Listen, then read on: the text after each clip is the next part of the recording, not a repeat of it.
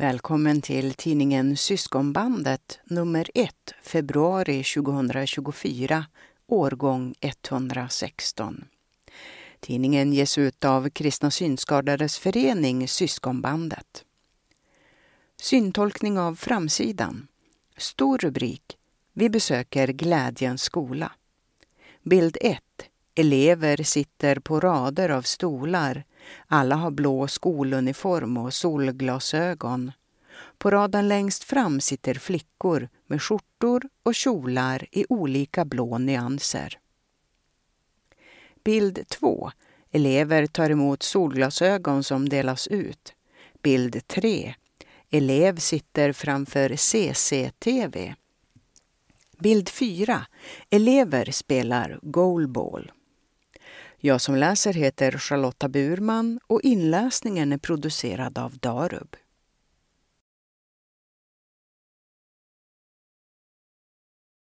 Från verksamhetsledaren.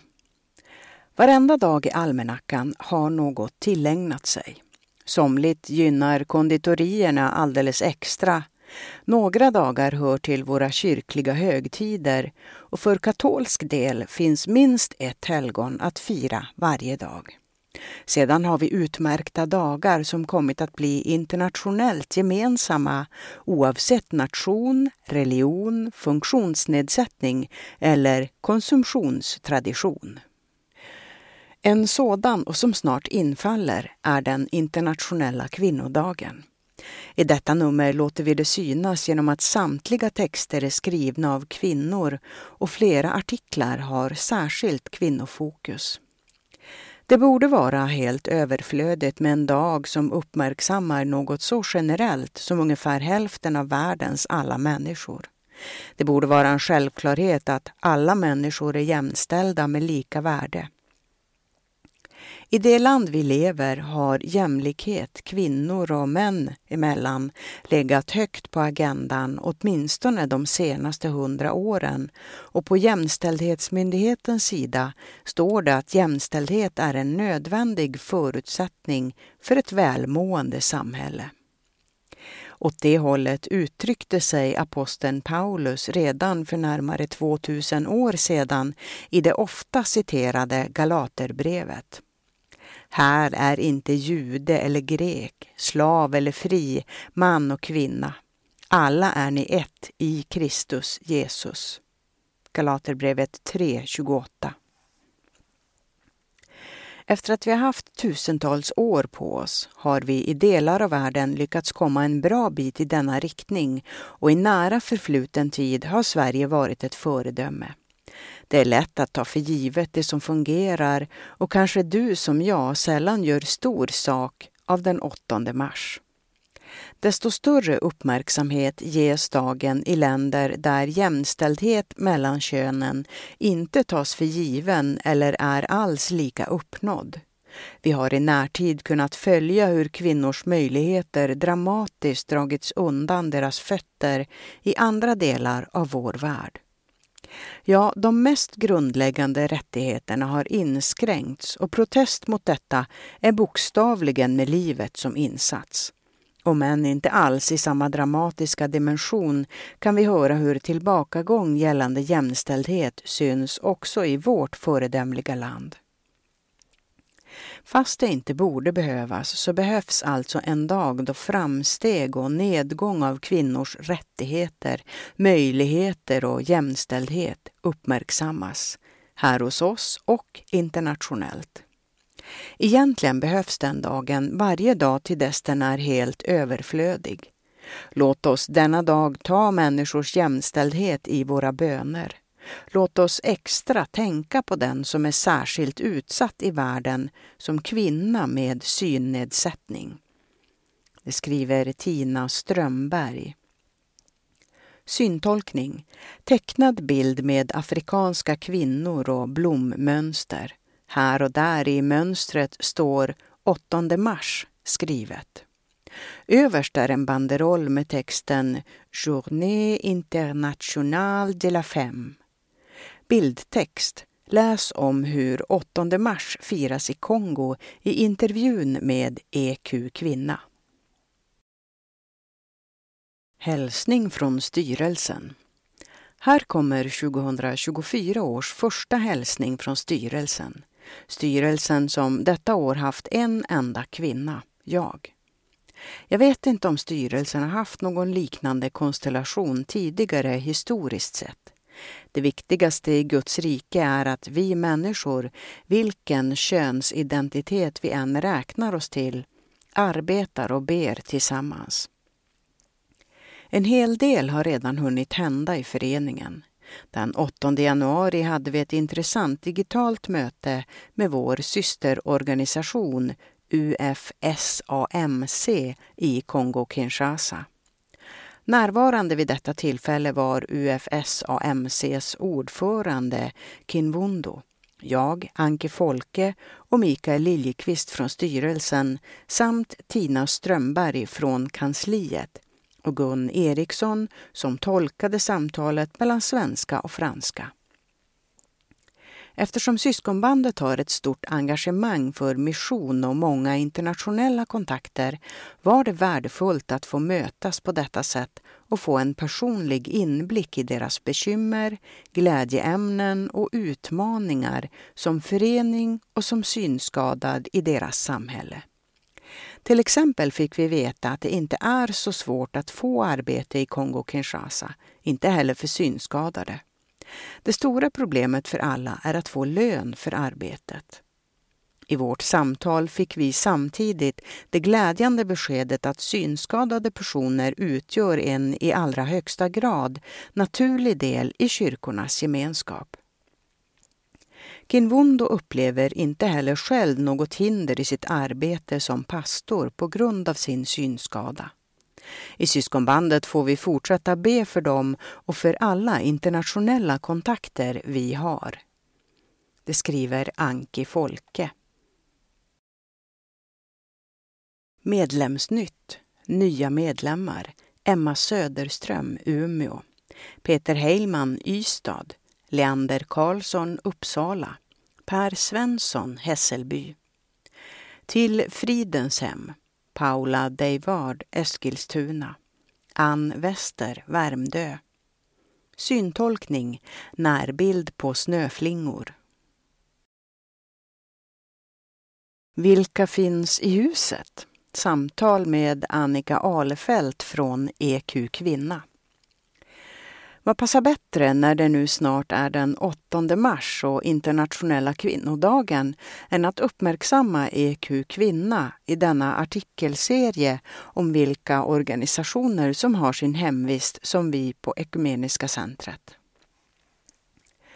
Organisationen eller nätverket EQ Kvinna har inte längre eget kontor på centret men har sin adress här och så kallad flexarbetsplats. Det innebär att de utan eget rum ändå har tillgång till centrets service och sammanträdesrum för sina styrelsemöten. De har ett postfack här och kan slå sig ner vid en av platserna i kontorslandskapet.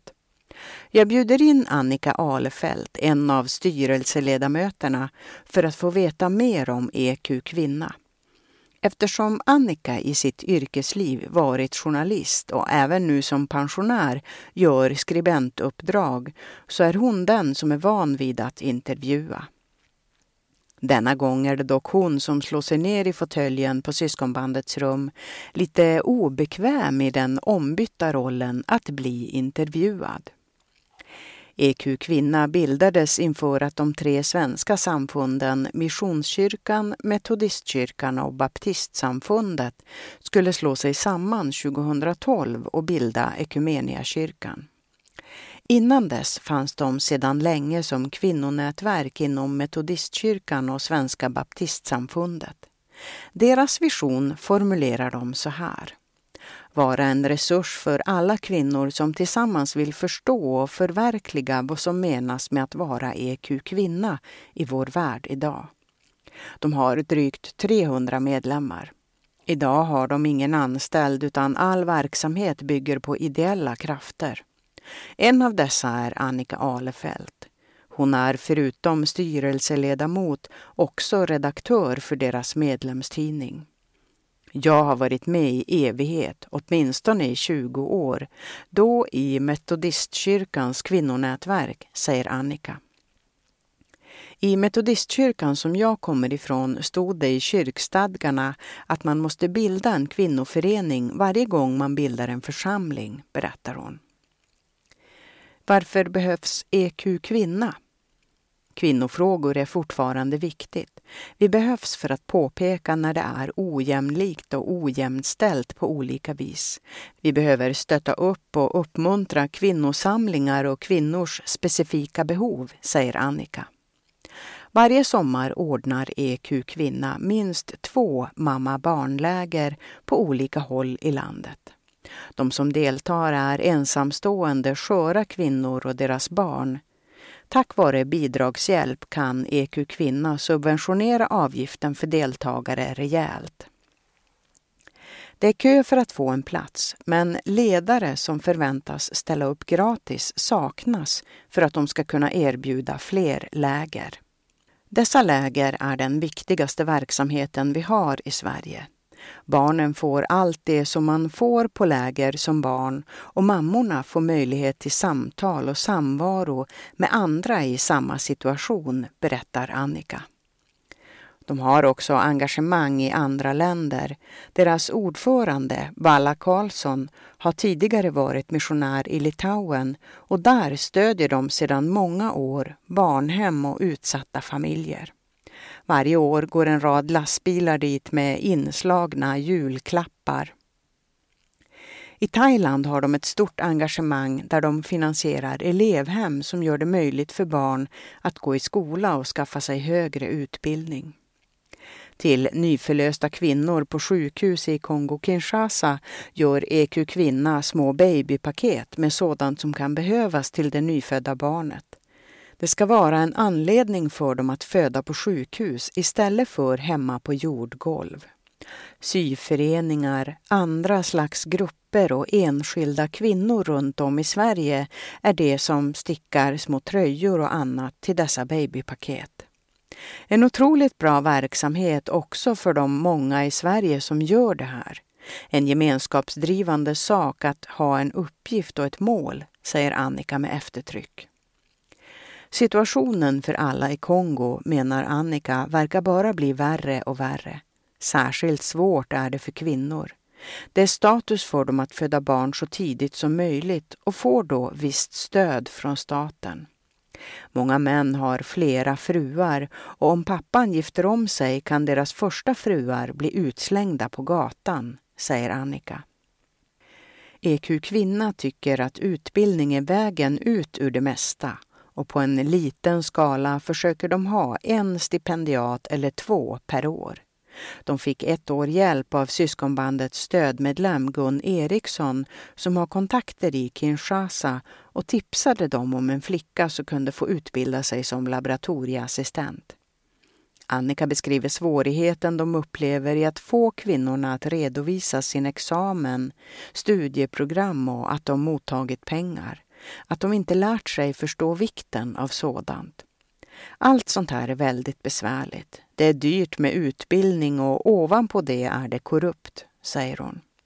Det är mycket som behöver göras så man vet ju knappt var man ska börja, fortsätter Annika. Vi jobbar ju bara lite i marginalerna men vi försöker och vill gärna ha fler kontakter. Vem vet, kanske vi och syskonbandets kontakter kan hjälpa varann, säger hon hoppfullt. I Kongo gör de stor sak av internationella kvinnodagen. Det fick Annika se när hon för några år sedan av nyfikenhet besökte missionärsverksamheter i Kongo-Brazzaville. Det var helt fantastiskt i Kongo. Alla kvinnor hade speciella klänningar som de lät sy upp där det stod 8 mars. Det var demonstrationer och jättemycket aktivitet. Det var en jättegrej där, säger Annika glatt åt detta minne. Text Tina Strömberg. Foto Tina Strömberg och Annika Alefelt. Syntolkning Bild 1. EQ Kvinnas logotyp i lila med kvinnosymbolen inne i bokstaven Q. Bild 2. Porträttbild på Annika Alefelt som leende tittar in i kameran. Hon har rakt blont hår i en kort page. Bild 3. Kvinna från Kongo i färgglad 8 mars-klänning. Inbjudan syskonbandsdagar i Vadstena. Du bjuds in till syskonbandsdagar med gemenskap och årsmöte 12 till 16 juni i kyrkliga och historiska vackra Vadstena. Herre, visa mig din väg. Vad är att vara pilgrim idag? Detta är temat för årets långhelg med syskonbandet då vi strålar samman från landets alla håll. Från det ekumeniska pilgrimscentrumet går flera vandringsleder och centrets föreståndare, pilgrimspräst Rickard Borgenback ger oss fördjupning i vad pilgrimsvandringen kan vara och ge. Han leder oss också på en fyra kilometers vandring i lättillgänglig terräng. Tid kommer att finnas för den som även vill strosa på stadens kullerstensgator bland kaféer och småbutiker eller gå på slotts och klostermuseum. Vadstena är bland annat den kände heliga Birgittas stad och efter henne är den stora klosterkyrkan byggd och där kommer vi fira gudstjänst. Gamla klosterruiner vittnar om historien men idag finns också ett nybyggt kloster med verksamma Birgitta-systrar. En av systrarna ska vi få träffa och höra hennes berättelse om hur ett klosterliv kan se ut idag. Vi bor på Vadstena folkhögskola intill vattnet med strand för alla badsugna. Föreningens årsmöte kommer hållas, samtalsforum om föreningen och öppen scen så som traditionen bjuder. Dagliga andakter, lekfulla inslag och god gemenskap utlovas. Vadstena folkhögskolas huvudman är Linköpings stift, Svenska kyrkan. Våra samlingar har vi i Arken och äter gör vi i matsalen med Vättern som utsikt. Rum och lokaler är tillgänglighetsanpassade och ledarhundar är välkomna. Du väljer om du bor i eget eller delat rum. Alla rum har egen toalett med dusch. Syskonbandets arrangemang är drog och alkoholfria. Ideella ledsagare kommer att finnas till hands. Deltagaravgift Helpension 2 000 kronor för del i tvåbäddsrum, 2 800 kronor för enkelrum, 1 000 kronor för barn 12 till 18 år och yngre barn gratis.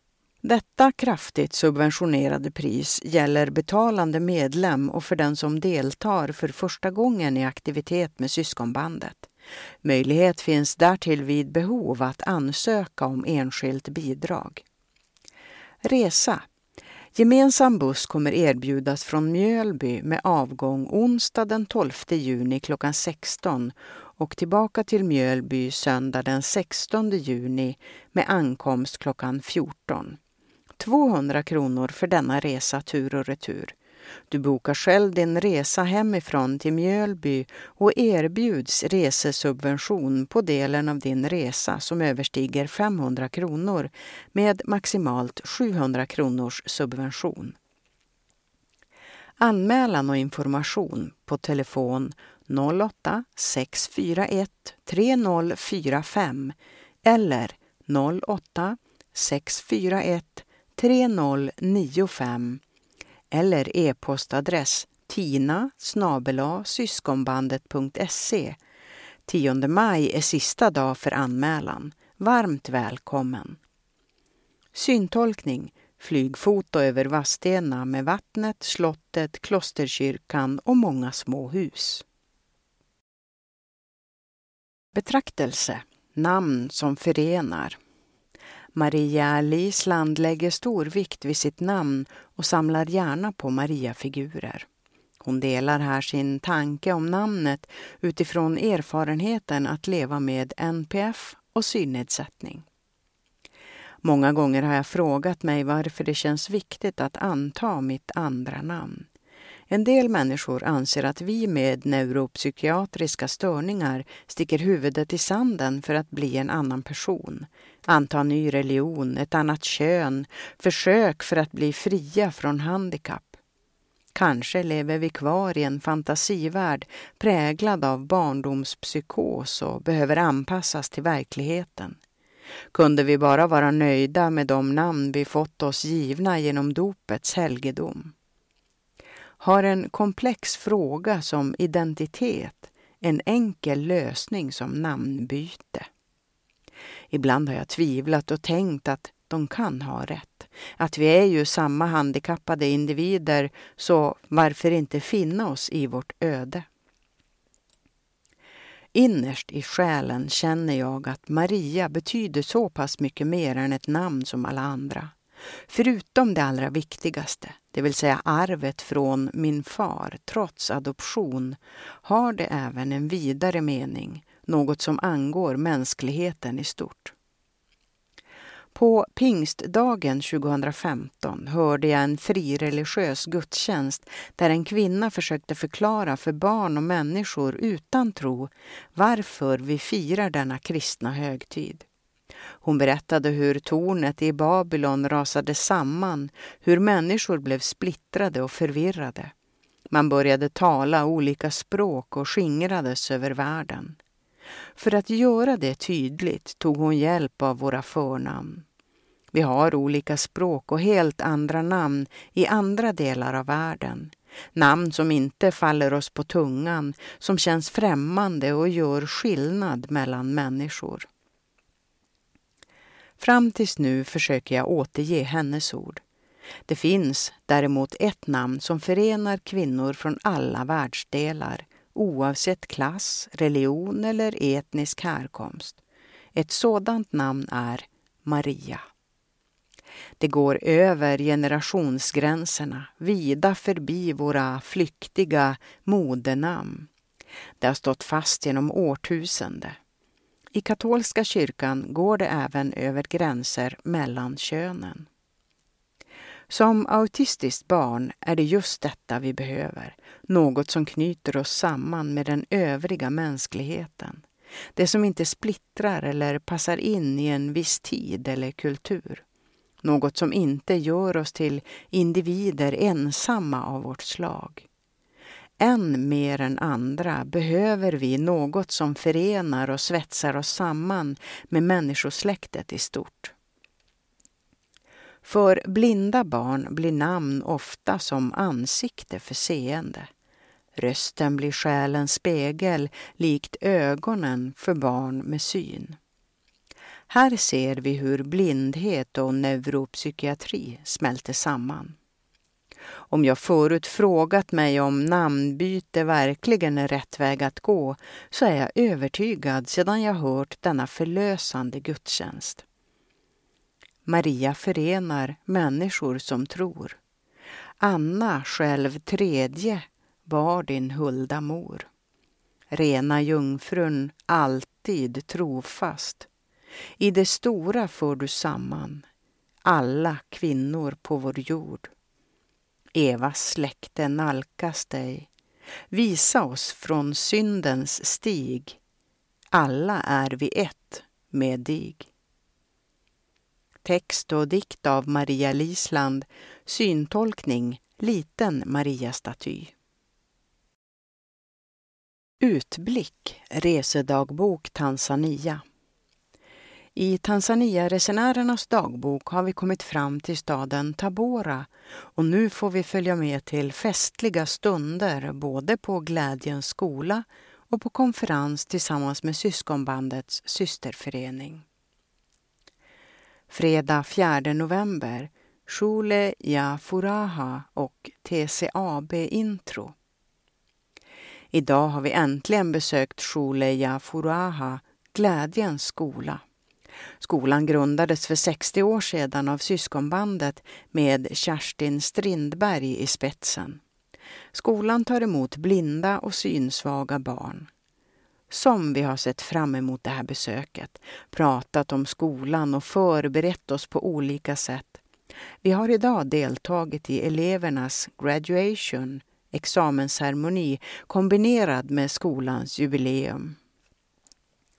När vi steg av bussen blev vi mottagna av bland andra skolans rektor Ibrahim Suleiman samt av biskop Peter Shani som var inbjuden på grund av dagens jubileum.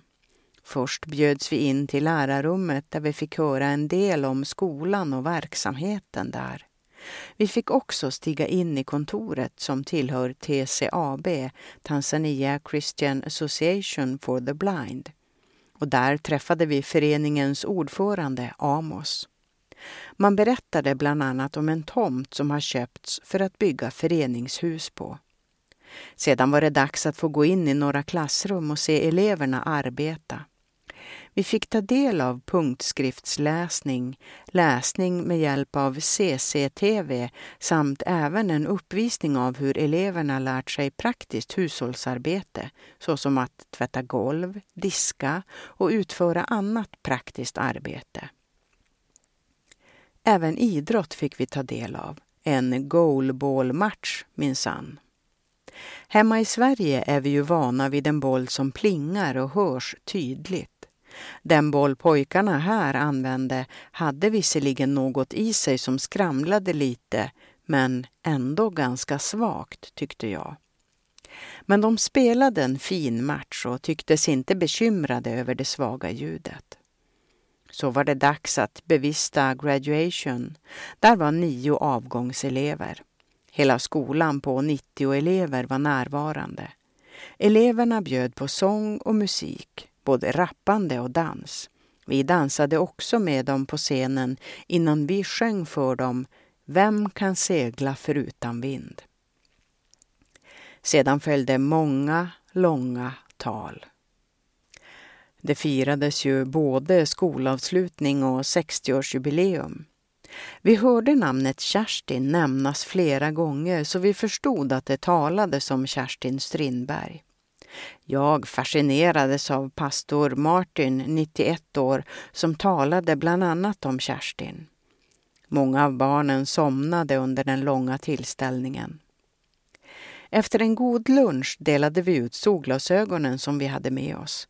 Det var fantastiskt tyckte jag att få hälsa på barnen och prata något ord med var och en och ge dem glasögonen. Även lärarna fick glasögon. På eftermiddagen for vi med bussen till den tomt som vi hört talas om på förmiddagen. Den är köpt för pengar man fått i bidrag, bland annat från Sverige. Den är helt tom nu, men man planerar alltså att inom kort bygga hus där som ska bli kontor för TCAB och lokaler för verksamhet. Sista programpunkt för oss denna dag var öppnandet av konferensen. Den hölls i Huima Training Center Även där kunde vi delta i dans och fin musik. Där fanns människor från flera delar av landet. Vi blev mycket välkomnade och uppmärksammade. Hemma på hotellet smakade middagen mycket gott efter ännu en lång och fullspäckad dag. För min del tidigt sänggående. Text Monica Söderberg. Bilder Birger Hansson. Syntolkning Bild 1. Två barn i tioårsåldern skriver med reglett. Bild 2. Två elever som spelar goalball. Bild 3. Två pojkar på vita plaststolar. Den ena är vit av albinism och har hatt och solglasögon. Klarsyn om mat och Bibeln. Efter en tids uppehåll är en ny säsong av vår podd Klarsyn här. Start den 28 februari. I januari träffades radiogruppen och jobbade intensivt med inspelning till nya program. Programserien utgörs av gruppens samtal utifrån mat med anknytning till Bibeln. Det smakas, känns och funderas. Det handlar om nattvarden, manna, vin, kyrkfika, bröd och fiskar. Lyssna där poddar finns, på Radio Hope eller på syskonbandets hemsida. Syntolkning, klarsyns logotyp. Boktips Två boktips av helt olika slag bjuds det på denna gång. I den ena, som är en roman och har mer än 40 år på nacken, men lika läsvärd idag, får vi genom en ung slavkvinnas perspektiv lära känna 200-talets Rom i de kristnas annorlunda syn på hennes barn med funktionsnedsättning. Den andra boken, helt nyutgiven som talbok, ger oss många små berättelser om kända personer genom historien till inspiration för både små och stora barn. Hedningarnas förgård Författaren Vibeke Olsson slog igenom som 17-åring med en skildring av en ung tysk nazistflickas väg genom andra världskrigets Tyskland. Vibeke är författare, baptistpastor och skriver krönikor i vänstertidskriften Flamman och i Equmeniakyrkans tidning Sändaren. I boken Hedningarnas förgård som kom ut 1982 lär vi känna en slavinna i romarriket. Hon heter Kallistrate. När berättelsen börjar finns hon i ett överklasshem. Slavar och slavinnor var saker, inte människor. De skulle arbeta och lyda sina ägare. Mänsklig värdighet eller rättigheter fanns inte på kartan. Mot alla regler bestämmer sig Kallistrate för att hennes barn inte ska dödas vid födseln.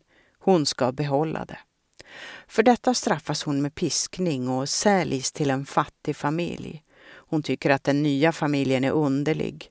Slavar och fria ligger tillsammans till bords vid måltiderna och slavarna behandlas väl. Förklaringen är att de tror på en kristen gud som predikar alla människors lika värde. Kallistrate försöker hålla kristendomen borta men hon kan inte släppa tankarna på denna sällsamma gud. Den romerska kejsaren förfasar sig över det ökande antalet kristna och häktar alla, bland dem Kallistrate och hennes ägarfamilj. Ungefär här slutar boken men den följs av fyra delar till. Jag har läst alla böckerna i serien flera gånger. Det märks att Vibeke Olsson har stora kunskaper om hur människorna levde under romartiden. Språket i böckerna är fantastiskt vackert. När jag avslutat Hedningarnas förgård längtar jag efter att få kasta mig över fortsättningen. Trevlig läsning, skriver Eva Nilsson. Boken finns i punktskrift och som talbok på Legimus. Syntolkning, bokomslaget till Hedningarnas förgård. 100 fantastiska berättelser för modiga barn. En samling korta berättelser ur verkligheten och ur Bibeln om flickor och kvinnor som genom sin tro har påverkat vår värld och sin samtid. Vi får möta sjuksköterskan Florence Nightingale, medborgarrättskämpen Rosa Parks, Maria från Magdala, den blinda lärarinnan Fanny Crosby och många, många andra som genom sitt sätt att vara och verka har spelat roll för vår historia och för den kristna tron. Efter varje berättelse finns ett passande bibelord. Sammanfattning från Legimus. Författare är Jean Fisher och boken finns inläst med text. Syntolkning. Bild 1. Bokomslaget till 100 fantastiska berättelser för modiga barn. Bild 2. En tecknad bild på en hög med böcker i olika färger. Poddtips Bibelns kvinnor Poddtipset denna gång har fokus på kvinnor och vi träffar dess initiativtagare. Den kan lyssnas på av både män och kvinnor som är intresserade av att höra teologers fördjupade samtal om kvinnor det står om i Bibeln, välkända med namn eller anonyma. I första avsnittet vänder och vrider de på berättelsen om kvinnan som smörjde Jesus som finns med i alla fyra evangelierna. Just om henne och det hon gjorde uppmanade Jesus oss att alltid berätta där evangeliet förkunnas. Sara Forslund, pastor, artist och skribent, är initiativtagaren till podden. Hon vill både belysa och lyfta fram Bibelns kvinnor och ge dem en röst. Detta eftersom det oftast har blivit fokus bara på manliga hjältar. Då går man miste om väldigt mycket spännande teologi, säger Sara. Att sätta mer fokus på kvinnorna i Bibeln menar hon ger oss mer av underifrån perspektiv som vi kan känna igen oss i. Också att vi måste våga prata om till exempel de kvinnor som våldtas och mördas eftersom sådant händer i världen också nu. Det handlar om existentiella frågor och om livet. Sara tycker därför att det passar alla att lyssna på denna podd. Intresset och idén till podden föddes när Sara under pastorsstudierna läste om teologi, om gudsbilder och den kvinnliga visheten. Jag blev intresserad, nyfiken och berörd. Det blev mer personligt och det här handlar också om mig och kvinnor. Det säger något vackert om livet och Gud. Jag fick en fördjupad gudsbild, säger Sara. Det finns hittills åtta avsnitt av Bibelns kvinnor och de är runt en timme långa. Ambitionen är att komma ut med en ny säsong, kanske till sommaren. Idéer är det inte brist på och det finns hur många personer som helst det kan göras avsnitt om. Bruden i Höga visan är den kvinna som har flest repliker i Bibeln och jag skulle vilja göra nästa avsnitt om henne, avslöjar Sara. Det skriver Tina Strömberg. Syntolkning, logotypen till Bibelns kvinnor. En kvinna med en bok och en grön bakgrund. Medlemsavgift 2024 Tack för alla inkomna medlems och prenumerationsavgifter. De sätts in senast den 1 mars på plusgiro 36449-7 eller swish 123 148 8220. Kontakta kansliet om du istället önskar få ett färdigifyllt inbetalningskort hemskickat till dig. Böneämne. Vi vet att våra vänner i Afrika bär oss i sina böner. Var med och be för dem för våra systerföreningar, för deras viktiga verksamheter och för engagerade medlemmar i Tanzania, Etiopien och Kongo-Kinshasa. Syntolkning, siluett av ett kors mot en himmel med blå och rosa nyanser. Redaktionsruta Syskonbandet, medlemstidning för Kristna Synskadades Förening, Syskonbandet. Tidningen ges ut på punktskrift, svartskrift, CD och på e-post. Tidningen finns också på vår hemsida www.syskonbandet.se medlemstidning. Adressen är Syskonbandet, box 14038, postnummer 16714, Bromma. Besöksadressen Ekumeniska centret, Gustavslundsvägen 18, plan 2 i Bromma. Telefonnummer kansli 08 641 3045 eller 08 641 3095. E-post kansliet snabela syskonbandet.se eller redaktion snabela syskonbandet.se. Ansvarig utgivare Mikael Liljekvist. Redaktör Tina Strömberg. Grafisk formgivning Stina Sköld. Plusgiro 3 64 49-7. Swish 123 148 8220.